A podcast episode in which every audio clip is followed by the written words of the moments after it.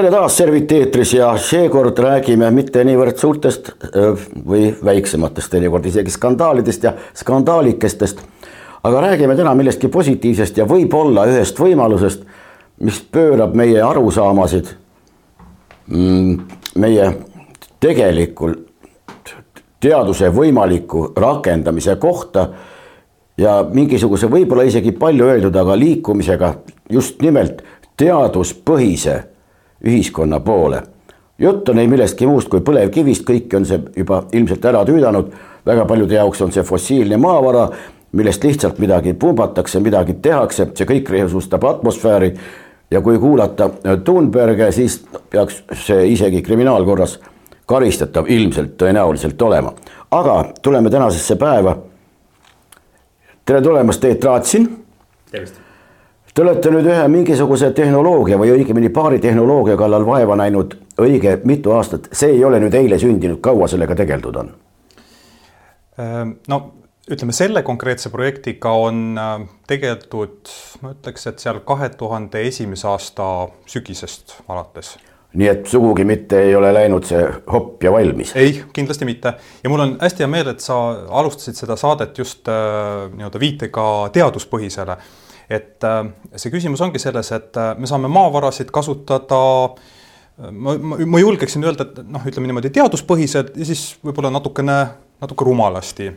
et, et lihtsalt lihtsustatult ja, ja mitte kogu seda potentsiaali Äh, tegelikult siis ära kasutades. ühesõnaga, üks asi on siis topime kas põlevkivi või puidu otse palgikese ahju, kütame temaga ära või teeme tast midagi, mis on oluliselt teise hinnaga ja toob meile oluliselt suuremat tulu ja kujune, kulutab ka seda toorainet oluliselt vähem, kas nii?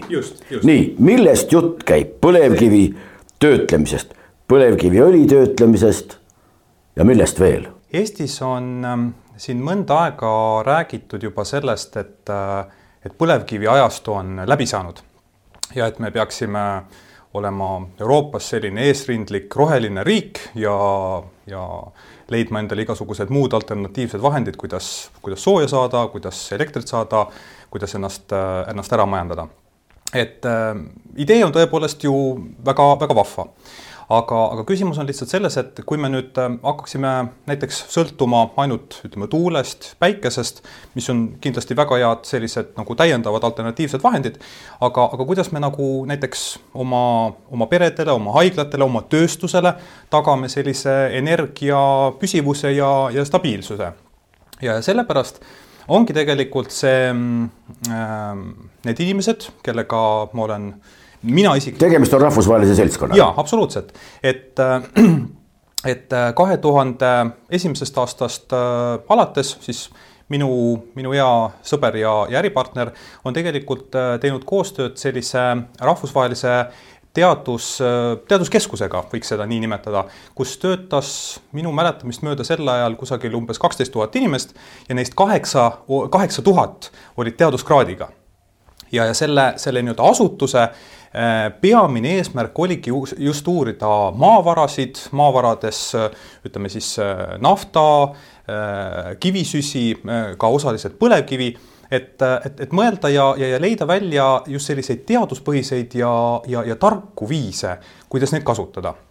et, et kui me räägime mm, kui, kui sa lubad, Andres, siis ma, ma teeksin sellise väikese nagu võib-olla. teeme mingisuguse sissejuhatuse, siis jah, et inimesed saavad aru, millest jutt käib. just et äh, see, see koostöö algas äh, selle põhimõttega, et kahe tuhande ütleme esimesel aastal enne seda äh, maailmas nafta barreli hind oli kaunikesti madal. võib-olla sa mäletad, see oli kusagil seal kakskümmend dollarit või, või isegi, isegi alla selle. sel ajal, kuna nafta nii-öelda raske nafta sellest lähtuvalt oli, oli veel madalama hinnaga, siis raske nafta mm, nii-öelda siis töötlemine, pumpamine, see oli väga selline mittetulus ettevõtmine ja, ja sellepärast need, need inimesed selles äh, teadusasutuses otsustasidki leida viise võimalusi, kuidas just raske naftat väärindada, et, et selle nii-öelda lõpp-produkti hind oleks, oleks kallim ja sellel oleks nagu majanduslik mõte olemas. kuna äh, sellel minu äripartneril omakorda olid head äh, tutvused ja, ja sidemed äh, Soomes, siis ähm, ta leidis äh, ühiste tuttavate kaudu Soomes ühe partneri, kes on põhimõtteliselt terve elu töötanud erinevatel nafta puurtornidel, Transoceanis, suurtes Need on need tornid, mis paigaldatakse merre. just, just mm. ja tema oli välja töötanud sellise unikaalse lahenduse just äh, arktilistes tingimustes. sinna sööstab praegu pool maailma, maailma vägevad on just nimelt Arktika poole teel. just nimelt, sellepärast et, et ühest küljest äh, seal on, ähm, on avastatud väga, väga suuri veel kasutamata maardlaid nii nafta kui, kui gaasile ja, ja kuna nüüd kliimamuutuste tõttu on ka sealsed veeteed juba laevatatavad, siis tõepoolest maailma suurriigid on, on väga huvitatud selle piirkonna nii tööstuslikult kui kaubanduslikult kasutusele võtmisest. aga kahe tuhande esimesel aastal oli olukord veel sootuks teine. ei räägitud siis kliimamuutustest sellised ja Arktika oli ka hoopis midagi muud. sellest hoolimata Ehm, see mõte, mis, mis meil seisnes, oli selles, et kui oleks võimalik sellele samale naftaplatvormile, mis iseenesest on äh, ütleme niimoodi, et naftaplatvormil ilmselt kõige kallim vara on, on ruum, sellepärast et. Äh, no sa ei saa ju ehitada tervet linna sinna vee peal, kuigi no ma ei tea, mingi idu, idufirma kindlasti saaks sellega hakkama, aga olgu pealegi. et meie, meie mõte ja eesmärk seisneski selles, et kuna koostöös teadlastega oli teada, et on võimalik ehitada seadmed millega äh, põhimõtteliselt väärindada rasket naftat selliselt. ehk sellest... siis teisisõnu tuleb raske nafta tuleb sealt välja ja seal platvormi peal juba töödeldakse ta ümber. just nimelt, et sellest, selle platvormi enda peal võiks teha juba kas kerge nafta või mis veelgi vahvam, juba ütleme siis sellised äh, ähm, mootorkütused, õlid, kergnafta erinevad, äh, erinevad fraktsioonid. ja see Soome ettevõte PR Maritime oli ähm, konstrueerinud ja patenteerinud sellise väga huvitava platvormi tüübi, esiteks ta erinevalt kõikidest teistest naftaplatvormidest oli neljal jalal, mitte kolmel. ja ta oli nagu justkui nagu selline Lego lahti käib, et sinna oli võimalik ruumi oluliselt rohkem juurde tekitada. ja kuna see meie tehnoloogia juba sel ajal võimaldas seda nii-öelda kokku panna üsna väikese nii-öelda mahulistesse mõõtmetesse, põhimõtteliselt noh, merekonteineritesse oli võimalik seda paigaldada ja, ja seda transportida ja hiljem üles panna. siis oleks see majanduslikult olnud äärmiselt kasulik, mitte niivõrd platvormide kaudu merest välja pumbata ja tankeritega maale saata ütleme siis naftat või raskenaftat, vaid juba selle platvormi enda peal seda ümber töödelda mingisuguseks oluliselt kasumlikumaks siis produktiks et see, seal, sealt ütleme, sai see, sai see projekt alguse. nii, ja tänaseks päevaks oleme me jõudnud sellega kuhu kohta? no tõsi, siin vahepeal on, on juhtunud palju igasuguseid huvitavaid äh, arenguid, aga, aga ütleme kahe tuhande kuueteistkümnenda aasta, tegelikult juba kahe tuhande viieteistkümnendal aastal ähm, koostöös ühe, ühe Eesti, Eesti mõistes suurettevõtjaga hakkasime arendama siis äh, sedasama tehnoloogiat, häälestama ümber põlevkivi ja, ja esialgu just nimelt põlevkiviõli peale. et kuna tema oli huvitatud eelkõige sellest, et põlevkiviõlist puhastada välja väävel, mis on. no see on see põhiasi. kõige, kõige suurem, noh, võiks öelda, et üks, üks suurimaid selliseid nagu kurja juuri selle põlevkiviõli juures. sest põlevkiviõliga on nimelt see probleem, et, et äh, põlevkiviõli saamiseks kaevandatakse Eestis ja kasutatakse aastas umbes kümme miljonit tonni põlevkivi ja sellest siis saadakse kusagil üks koma kaks, üks koma kolm. no see kasutegur on suhteliselt väike. just, sest, sest ühe, ühe tonni põlevkiviõli saamiseks on meil vaja ära kulutada kuus-seitse, vanemate tehnoloogiate puhul isegi kaheksa tonni eh, põlevkivi. me reostame loodust, me reostame keskkonda. lõppude lõpuks teeme ka maa-aluse tühjaks. just, et, et see, see ongi nagu see me, meie teadlased on kasutanud, kasutanud huvitavat näidet, et, et see oleks justkui sa läheksid panka, võtaksid oma hoiuse välja viiesajastes kupüürides ja kütaksid sellega ahju, et noh, nende mõte soovitus meile oli see, et, et, et, et poisid, et äkki te vähemasti vahetate selle viiesajase viie eurosteks kupüürideks, saate kupüüre rohkem, saate sooja rohkem.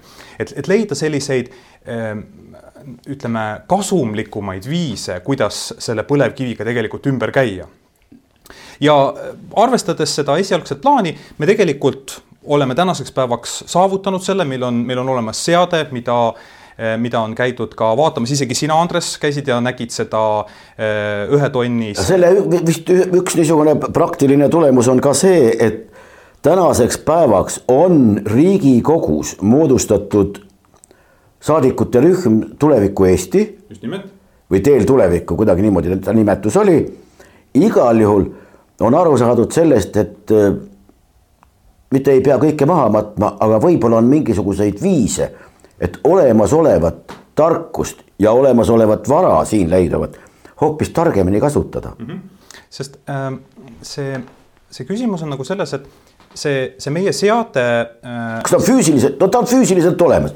ime küll ja, ja, ja ta on füüsiliselt olemas ja uskuge või mitte, ta toimib kui, kui selle põlevkivi täna müüdava, eh, põlevkiviga on ju, eh, tähendab põlevkiviõliga on, on see küsimus, et eh, teda, kuna tema väävlisisaldus on kusagil null koma seitse kuni null koma üheksa protsenti, siis sellega ei ole väga midagi muud teha, kui tuleb proovida seda väävlit sealt saada allapoole ja siis segada laevakütustega erinevate selliste, ütleme niimoodi, tanklas, siin Eesti tanklas sa teda mitte kuidagi müüa ei saa.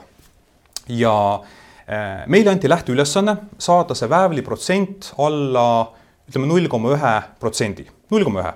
lubatud täna Eestis kasutada on tegelikult null koma viis. meile anti ülesandeks null koma üks.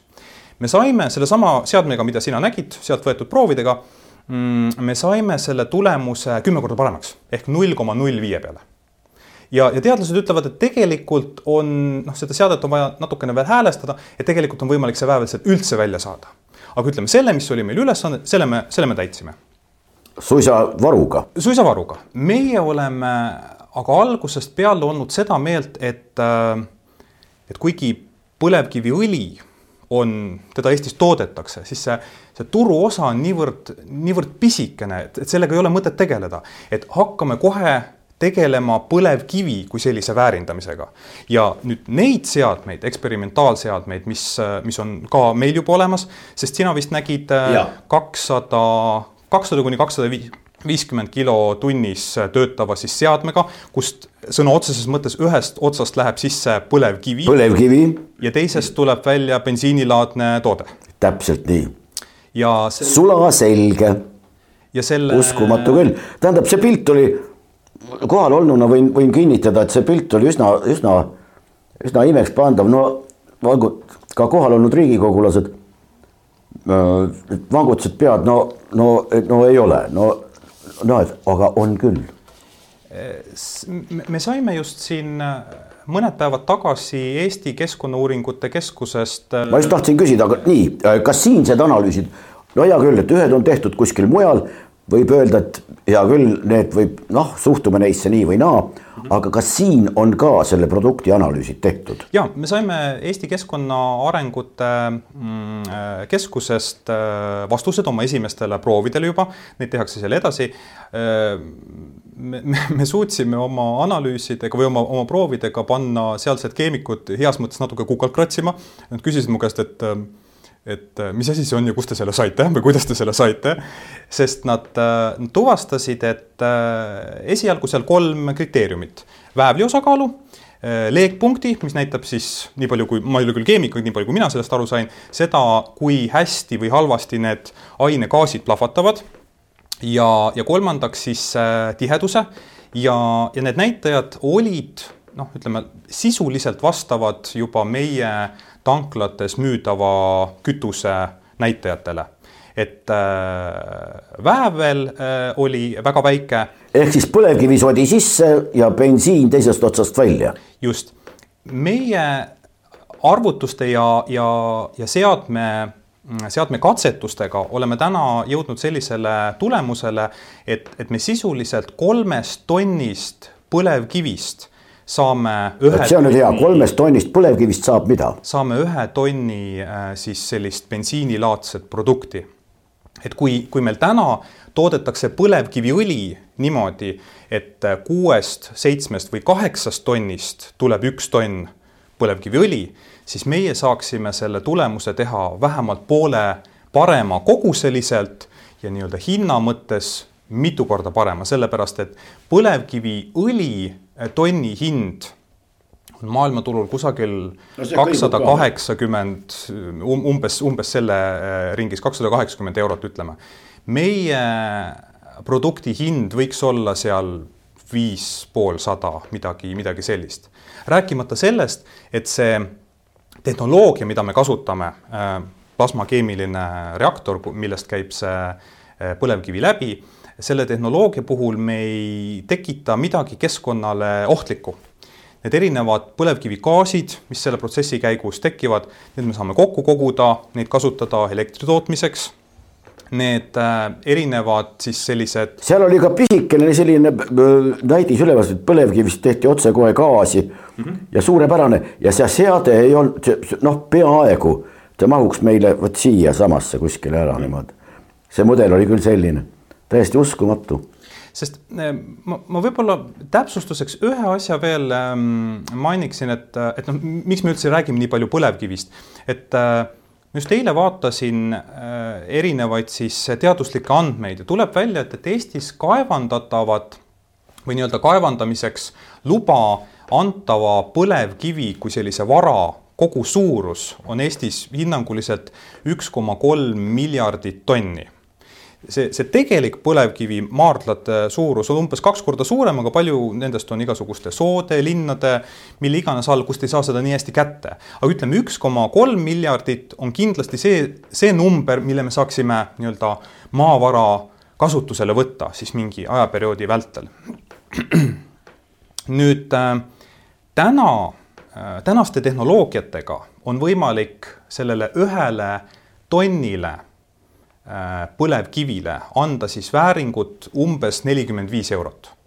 mis tähendab seda, et kui me selle üks koma kolm miljardit, noh, loomulikult me ei suuda seda ühe aastaga või me ei peakski seda ühe aastaga kasutusele võtma, et et aastas kaevandatakse teda Eestis kusagil viisteist kuni kakskümmend miljonit tonni on antud luba. aga kui me võtaksime selle, oletame ühel hetkel see üks koma kolm miljardit kõik kasutusele, selle tänase hinnaga siis me saaksime selleks kusagil viiskümmend viis, viiskümmend kaheksa miljardit eurot kogu, kogu selle vara suuruseks. kui me võtaksime selle kõik nüüd kasutusele selle meie tehnoloogiaga ja toodaksime sellest ainult seda ühte asja, mitte elektrit, mitte mingisuguseid muid asju, ainult seda bensiinilaadset produkti, siis me saaksime selleks väärtuseks üle kahesaja kolmekümne, kahesaja viiekümne miljardi euro. et see on päris mit-, päris mitmekordne. aga lisaks ka see võimalus ju, et lõppude lõpuks siis või noh, üks väike seade endale hoovi peale või küla peale üks või, või alevi peale üks ja hakkame tegema siin iseendale. kas või, kas või ahjukütut, kütet, sel- või no ahjuküttele ta on liiga hea võib-olla isegi. aga, aga noh, võib-olla siit päris puhta bensiinini polegi pikk tee minna, aga kui palju see kõik, kas te olete seda ka rehkendanud? väga oluline küsimus, palju see kõik maksab? tähendab oma hinna poolest, siin läheb ju, kulub ju elektrit ja, ja siin kulub veel mingisuguseid ressursse. absoluutselt meil on väga hea, et me istume mõlemad, sellepärast et, et selle, selle numbri peale võiks ju niimoodi istut- või siis maha potsatada, et, et tõepoolest elektrikulu selle seadme töötamisel, juhul kui me ostaksime elektrit sisse. me saame sellest põlevkivigaasist, nagu ma ise ütlesin, nagu ma ennem ütlesin, me saaksime seda põlevkivigaasi ennast kasutada ju hiljem, ütleme tööstuslike seadmete puhul selleks, et toota elektrit ja siis meil oleks sisuliselt selline seade, mis vajab välist abi ainult käivitamiseks. aga oletame, et me ostame elektrit väljastpoolt sisse, siis ühe mm,, ühe tonni mm, siis äh, ümbertöötlemiseks, ühe tonni põlevkivi ümbertöötlemiseks meil läheks elektrit kusagil viie-kuue euro väärtuses. mis ja. ei muuda seda omahinda väga palju kallimaks, ütleks ma niimoodi see asi tundub kõik kole, kole, kole ilus olevat ja, ja tõepoolest koha peal noh, asja näinuna ka, kaenuna oma silmaga tundub, et no, no, no kuidagi, kuidagi väga ilus tundub see protsess on samas olnud väga pikk, siin on teadlaste pingutused taga äh,. täiesti raudselt saab siin olema mingisugune vastasseis, sest no inimene on loodud juba kord niimoodi et, et kaheksakümmend protsenti inimestest nad tahaksid igal juhul säilitada status quo, sest millegi tegemine toob igal juhul kaasa mingisugused riskid, mingisuguste sidemete, mingisuguste olukordade või veel millegi muutumise mis võib suurendada mingisugust ebastabiilsust, võib, võib kaasa tuua mingisuguseid ettearvamatuid olukordi, mingisugust ja selles mõttes las parem olla nii, kui on. eks vastutöötamisega, te olete sellega ilmselt arvestanud ka, eks seda tuleb ka kindlasti ja ma, ma usun, ma usun ka ja, ja noh, mis seal salata, eks seda vastutöötamist ole siin nende aastate vältel juba ka tegelikult üsna palju olnud, sellepärast et no,, et, ähm, et, et, et see kangesti meenutab seda ähm, sellist noh, ütleme paekivist äh, sealiha tootmise juttu, kui seda, seda esmapilgul äh, võib-olla niimoodi poole kõrvaga kuulata. aga täna ei ole enam vaidlust selles, et koos sinuga käisid seal neid seadmeid vaatamas kaks Riigikogu liiget Eesti Energia esindajad on käinud vaatamas küll nüüd seda seadet, millest me rääkisime kõigepealt, ehk siis millega, mille eesmärk oli ainult põlevkiviõlist väävli puhastamine aga, aga Eesti Energia esindajad on huvitatud, nii nagu mina olen aru saanud, eelkõige just ka sellest seadmest, millega on võimalik põlevkivile otse anda suuremat väärtust et, et, et seda kõike silmas pidades ma usun, et tegelikult Eestis täna on äh, tarku ja nii-öelda ettemõtlevaid ja, ja, ja ettenägevaid inimesi küll ja veel.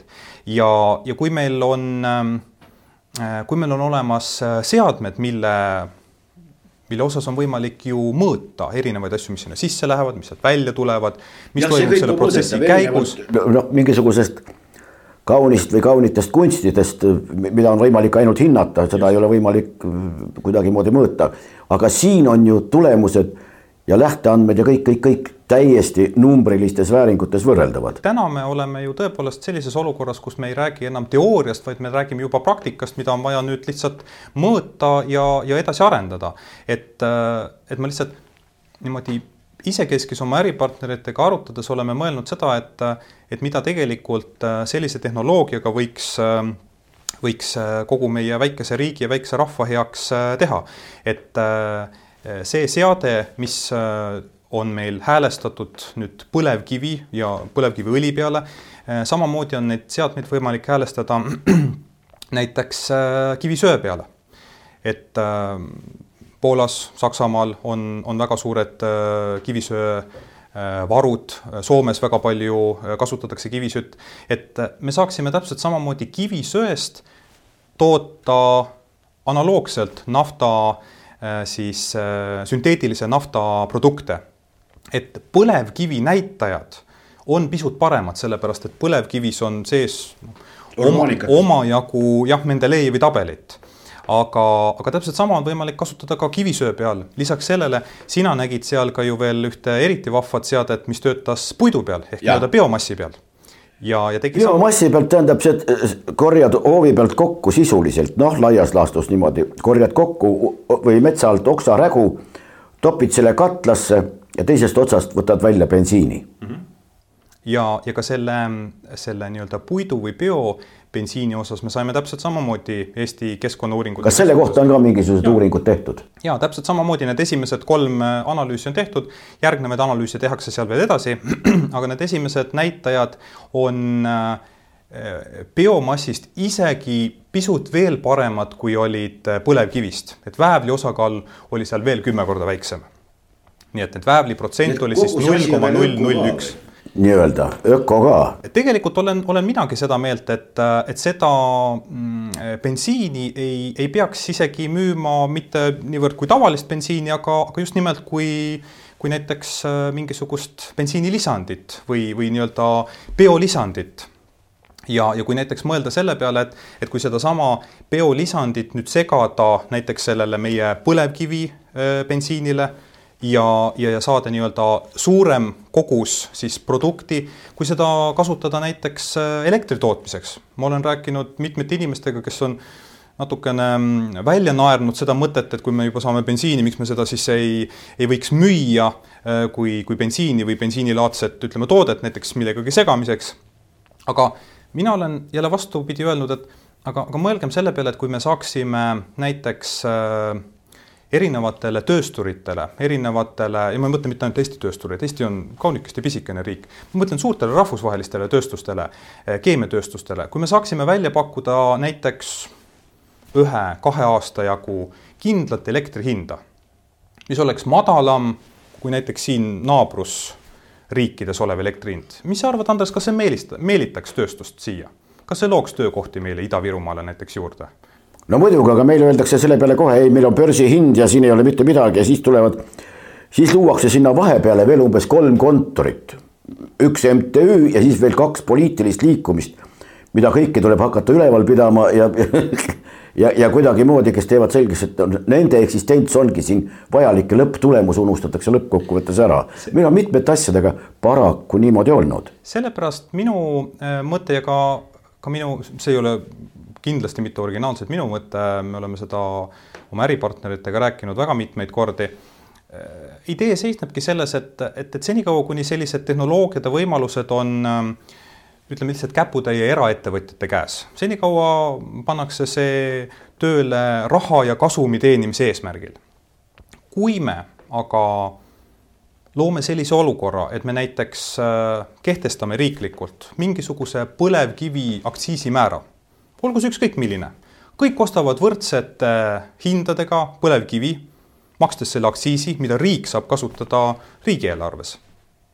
ja siis vastavalt igaüks teeb sellest põlevkivist, mida ta suudab teha ja müüb seda siis sellise lõpphinnaga, nagu ta suudab müüa.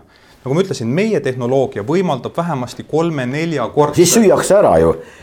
meie turul on reeglina otsekohe, vaatad kasvõi meie bensiiniturgu. Kuni kaks kohta pärast koma, üks muudab bensiini hinda, võid tulla poole tunni pärast ja vaadata, teisel on täpselt samamoodi konkurendil muudetud täpselt samasuguseks. aga Andres, mis sa arvad, kui meie Eesti muutuks kütust ja energeetikat sisse ostvast riigist hoopis energeetikat ja kütust välja müüvaks riigiks? aga sellel, aga sellel oleks juba jumet. just nimelt. kas see oleks reaalne? Nagu ma ütlesin, üks koma kolm miljardit tonni põlevkivi äkki paneks söesadama tööle, tooks veel sütt ja hakkaks sellest ka veel tegema. või mis sa arvad, kui näiteks võtaks maha sellise kasutu puidu, ma ei räägi üldse mitte väärtmetsast, aga võsa, mis meil kasvab kraavipervedel. mis muide on statistika järgi ka mets, selle peale apelleeritakse. või äh, arvestades seda, millise lõppvääringu me saame sellele puidule anda, ostame seda kasvõi sisse, täpselt samamoodi sellist mittekvaliteetset puitu ja teeme sellest siis samamoodi äh, biobensiini. aga see eeldab ju kogu suure, suuremate seltskondade võimet teistmoodi mõelda, kui sisse on harjunud. vaata, siin me oleme jõudnud nüüd selleni, et ähm, kas eile või üleeile äh, avaldati, kohe vaatan selle järgi äh,, Euroopa Liidu roheline kokkulepe mille, mille eesmärk või mille nagu mõte seisnes selles, et äh, aastaks kaks tuhat viiskümmend viia Euroopa Liit nii-öelda roheliseks liiduks. ja selle eesmärgiks järgneva kümne aasta jooksul nii Euroopa Liidu struktuurid kui ka erasektor üheskoos panustab üks triljon eurot selle nimel, et muutuda roheliseks, selle nimel, et arendada viia ellu, toetada. oota, aga siin oleks ju see koht, kus koha pealt hammustaks sellest triljonist oskusliku tegutsemise kallal ja nende tehnoloogiate oskusliku esitluse korral ju suure tüki ära. ega, ega loomulikult, ega, ega see tehnoloogia ei peaks kunagi jääma teenima ainult väikest pisikest Eestit. sellega me saaksime kogu Euroopa Liidu muuta roheliseks ja isegi kui meile jääb sellest äh, nii naljaga pooleks öeldes, isegi kui meile jääb sellest Euroopa Liidu ühest triljonist väheks, siis Ameerika Ühendriigid on otsustanud äh, ellu rakendada sellise äh, projekti nagu uus roheline diil või New Green Deal, mille raames nad täpselt samamoodi kümne aasta jooksul panustavad kaheksakümmend kuus triljonit dollarit selleks, et muutuda roheliseks või vähemasti rohelisemaks, rohelisemaks. äh, et, et täna ei maksa selle üle kindlasti nalja heita, et, äh, et see suund maailma majanduses on väga tugevalt äh, selles suunas, et otsitakse alternatiivseid vahendeid ja võimalusi. ja, ja minu hinnangul meie tehnoloogia võimaldab just olemasolevaid maavarasid kasutada ökonoomsemalt, mõistlikumalt. ökomalt. ökomalt, just ja, ja, ja saada lõpp-produkt, mille väärtus on äh, selles mõttes mitmekordne, et ta on äh, oma tootmiselt odava hinnaga ja, ja ta ei reosta ka keskkonda, sellepärast. ma just tahtsin küsida, et aga mida see kõike taevasse saadab? sest kui me selle tehnoloogiaga äh, võtame välja sellest äh, nii-öelda siis toorest, mis sinna sisse läheb, ka muuhulgas suurem osa igasuguseid väärismetalle mis, mida põlevkivis on tegelikult ohtrasti, raskenaftas kusjuures täpselt samamoodi, siis need on just need asjad, mis nüüd meil enam autode ja busside kaudu ei lähe taevasse, vaid see on täpselt samamoodi toore, mida omakorda saavad kasutada näiteks keemiatööstused. Ma olen kuidagi poole kõrvaga kuulnud, et tegelikult on siin perspektiivi, noh, kui asi veel natuke edasi viia, siis on siin perspektiiv veel hoopis niisugusem noh, kosmilisem võib öelda ma ei tea, kas nendest asjadest võib veel praegu rääkida, aga lõppude lõpuks ka meie tuhamägedes on ju neid väärismetalle küll ja küll, mis on võimalik sealt välja raputada jah, see on, see on samamoodi üks suund, millega me, millega me tegeleme. Millised need näitajad äh, on ja milliseks need kujundava, kujunevad, et, et sellest ma usun, kui sa mind kutsud saatesse, me, me räägiksime mingil hetkel tulevikus kindlasti täpsemalt, et täna meil ei ole nende näitajate osas veel nii kindlaid laboratoorseid vastuseid, nagu meil on näiteks põlevkivi osas. aga jah, see on, see on täiesti suund, millega me tegeleme ma ei kujuta ette, siis iga eestlane saab endale miljoni ja tunneb ennast suurepäraselt, sest need mäed pidid kõik meie omad olema, aga olgu, see on nüüd tulevikumuusika, aga tänase päevaga, mis nüüd järgmiselt, miks, mis nüüd edasi hakkab saama? Ehm, see küsimus ongi nimelt selles, et kuni siiamaani me tegelikult oleme ju ütleme, mina alates kahe tuhande kaheksandast, üheksandast aastast, aga minu äripartnerid juba kahe tuhandendate algusest, on seda projekti arendanud ja edasi viinud no põhimõtteliselt nagu ühe, ühe perekonna firmana, et seda on tehtud väga ähm, väheste vahenditega, vähe, väga, väga nii-öelda kokkuhoidlikult. et, äh, et minu küsimus on ka see, et, et kas see on midagi sellist, mille osas peaks näiteks ka võib-olla Eesti riik või Eesti riigivõimu esindajad panema mingis mõttes õla alla, sellepärast et meie oleme tahtnud seda projekti hoida täna eelkõige justkui nagu meie enda lapsukest Eesti enda tarbeks. sest meil on olemas ka äh, mitmeid kontakte, on olnud äh, pakkumisi äh, erinevatelt rahvusvahelistelt suurematelt no, korporatsioonidelt arva,. arvata võib, arvata võib. aga, aga nendel pakkumistel on küll äh, kuidas ma ütlen, selline väga hea ja suure raha maitse, aga neil on ka oma hind, mis tähendaks seda, et me annaksime oma tehnoloogia näiteks India kasutusse või, või ameeriklaste kasutusse või isegi soomlaste kasutusse. et siis tekib küsimus, et kui palju Eesti sellest saaks mis nüüd siis te olete, tuleb no, uskumatu asi, tähendab praegusel ajal on veel keegi, kes kuidagimoodi riiklikult mõtleb või? no aga võib-olla selliste hullikeste najal kõik püsti püsibki. eks need hullikesed läksid kaheksateistkümnendal aastal sõtta ka ja, ja seitsmekümnendatel tegutsesid, lõid kaheksakümnendatel Balti apelle ja kõike muud ja kunagi näed, näed juhtuski. Et, et ma just nagu mõtlen ise ka, et siin Eestis on ähm, mina isiklikult olen väga palju kuulnud seda ma ei tea, kas vanasõna on selle kohta õige öelda, aga seda sellist rahvatarkust, et et üheksa korda mõõda ja, ja siis üks kord lõika.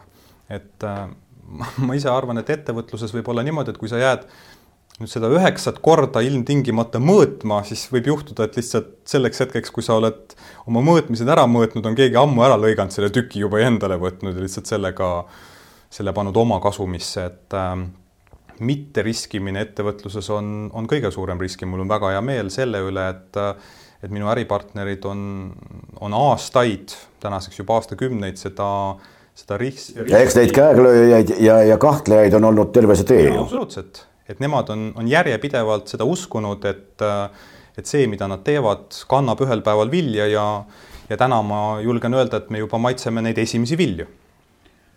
no aga, aga selle rahvusvahelise seltskonna kokkupanemine, see oli ju ka tegelikult üsna, ma kujutan ette ikka noh, omajagu veenmist ja, ja ma ei tea, mida veel. ja äh, minu, minu hea sõber oli mm, algselt äh, selles äh, teadustehnoloogilises keskuses, ta oligi nii-öelda Euroopa suunal äh, tegeles, ütleme siis müügi poole ja, ja Euroopa poolel nagu siis esinduspoolega, hiljem oli ta, oli ta selle teadusasutuse äh, asepresident ja, ja seetõttu on ta täna selle tehnoloogia üks kaasautoritest. et see tehnoloogia kuulub osaliselt talle. Ja, ja temal on vaieldamatult õigus otsustada, kellega ja kuidas ta seda, seda jagab. nii et füüsiliselt jah, siin võin kinnitada, on, on need seadmed kõik olemas ja missugused on teie järgmised sammud, mis nüüd, mis nüüd tegema hakkate? no eh, järgmisel nädalal on meil plaanis eh, kokkusaamine uuesti Eesti Energia esindajatega ja, ja siis me kahtlemata arutame edasi seda, kuidas nüüd tuua need seadmed, eelkõige siis see seade, mis eh, kasutab toormena just põlevkivi, kuidas see tuua Eesti Energiasse, et me saaksime teha täiendavaid katsetusi, mõõtmisi, sest küsimus on selles, et me alustasime seda juttu nende seadmete kompaktsusest, et selline seade, mille võimsus võiks olla seal, ütleme näiteks sada tuhat tonni aastas, mis tähendaks umbes kaksteist tonni tunnis, kui ta töötaks ööpäevaringselt, siis sellise seadme nii-öelda nagu ruum või territoorium selle jaoks oleks kusagil ehm, kakskümmend korda, korda kümme meetrit et, et kui, kui see... praktiliselt see ei ole mingi tehas isegi. et see, see on minu arvates just üks väga oluline argument selle tehnoloogia kasuks, et me ei pea enam seda tooret, olgu selleks siis kivisüsi või põlevkivi või puit, mis iganes, me ei pea enam seda transportima ilmtingimata ühest kohast teise, vaid me saame selliseid lokaalseid seadmeid panna Siin üle kogu see... Eesti, kus on neid tarvis parasjagu. ja kui teda enam seal selle koha peal ei ole tarvis, pakime ta merekonteineritesse kokku ja rekadega viime lihtsalt järgmisse kohta. Et ta on mobiilne see nagu tellid, tellid rätsepa või, või, või kellegi muu, tuleb ja õmbleb sulle kaks päeva. ma tahan ühte asja veel öelda, et tegelikult täna, tänaseks on meie suutlikkus eh, selliseid eh, tööstuslikke seadmeid ehitada, kui me mm, otsustaksime nii, kui me, kui näiteks ma ei tea, Eesti Energia teeb meiega lepingu või, või kes iganes, siis äh, ma arvan, et kusagil nelja kuni kuue kuuga äh, oleksime võimelised ehitama juba sellise seadme või seadmed, mis äh, töötavad seal võimsusega sada tuhat tonni aastas või kakssada tuhat tonni aastas. nii et. et see, et see, see aeg ei, ei ole isegi selles mõttes mägede taga üsna põnev, aga mis, mis, mis, mis meil üle jääb, kui ootame neid arenguid teile loomulikult tegutsemislusti, jätkuvat entusiasmi ja peaasi, et käega löömise meeleolu, ehkki neid tagasilööke, ma kujutan ette, tuleb veelgi. aga, aga peaasi, et ei, ei, ei, ei teki sellist, et ah, enam ei jaksa või enam ei viitsi, sest praktiliselt kõik on ju juba tehtud. suurem osa kindlasti tore, aga me kohtume kindlasti veel kord, nii et suur-suur tänu tulemast, asju valgutus äh,, valgustamast. me ekstra ei hakanud rääkima nende tehnoloogiate noh, ütleme kõikidest füüsikalistest ja keemilistest iseärasustest, sest ega see praegu vist veel avalikustamisele ei kuulu, eks siin ole tõepoolest, me, me jah, oleme üsna algusjärgus selle tehnoloogia patenteerimisega. et, et sellest võib-olla räägiksime peatselt. Tore, tänan veel kord, aitäh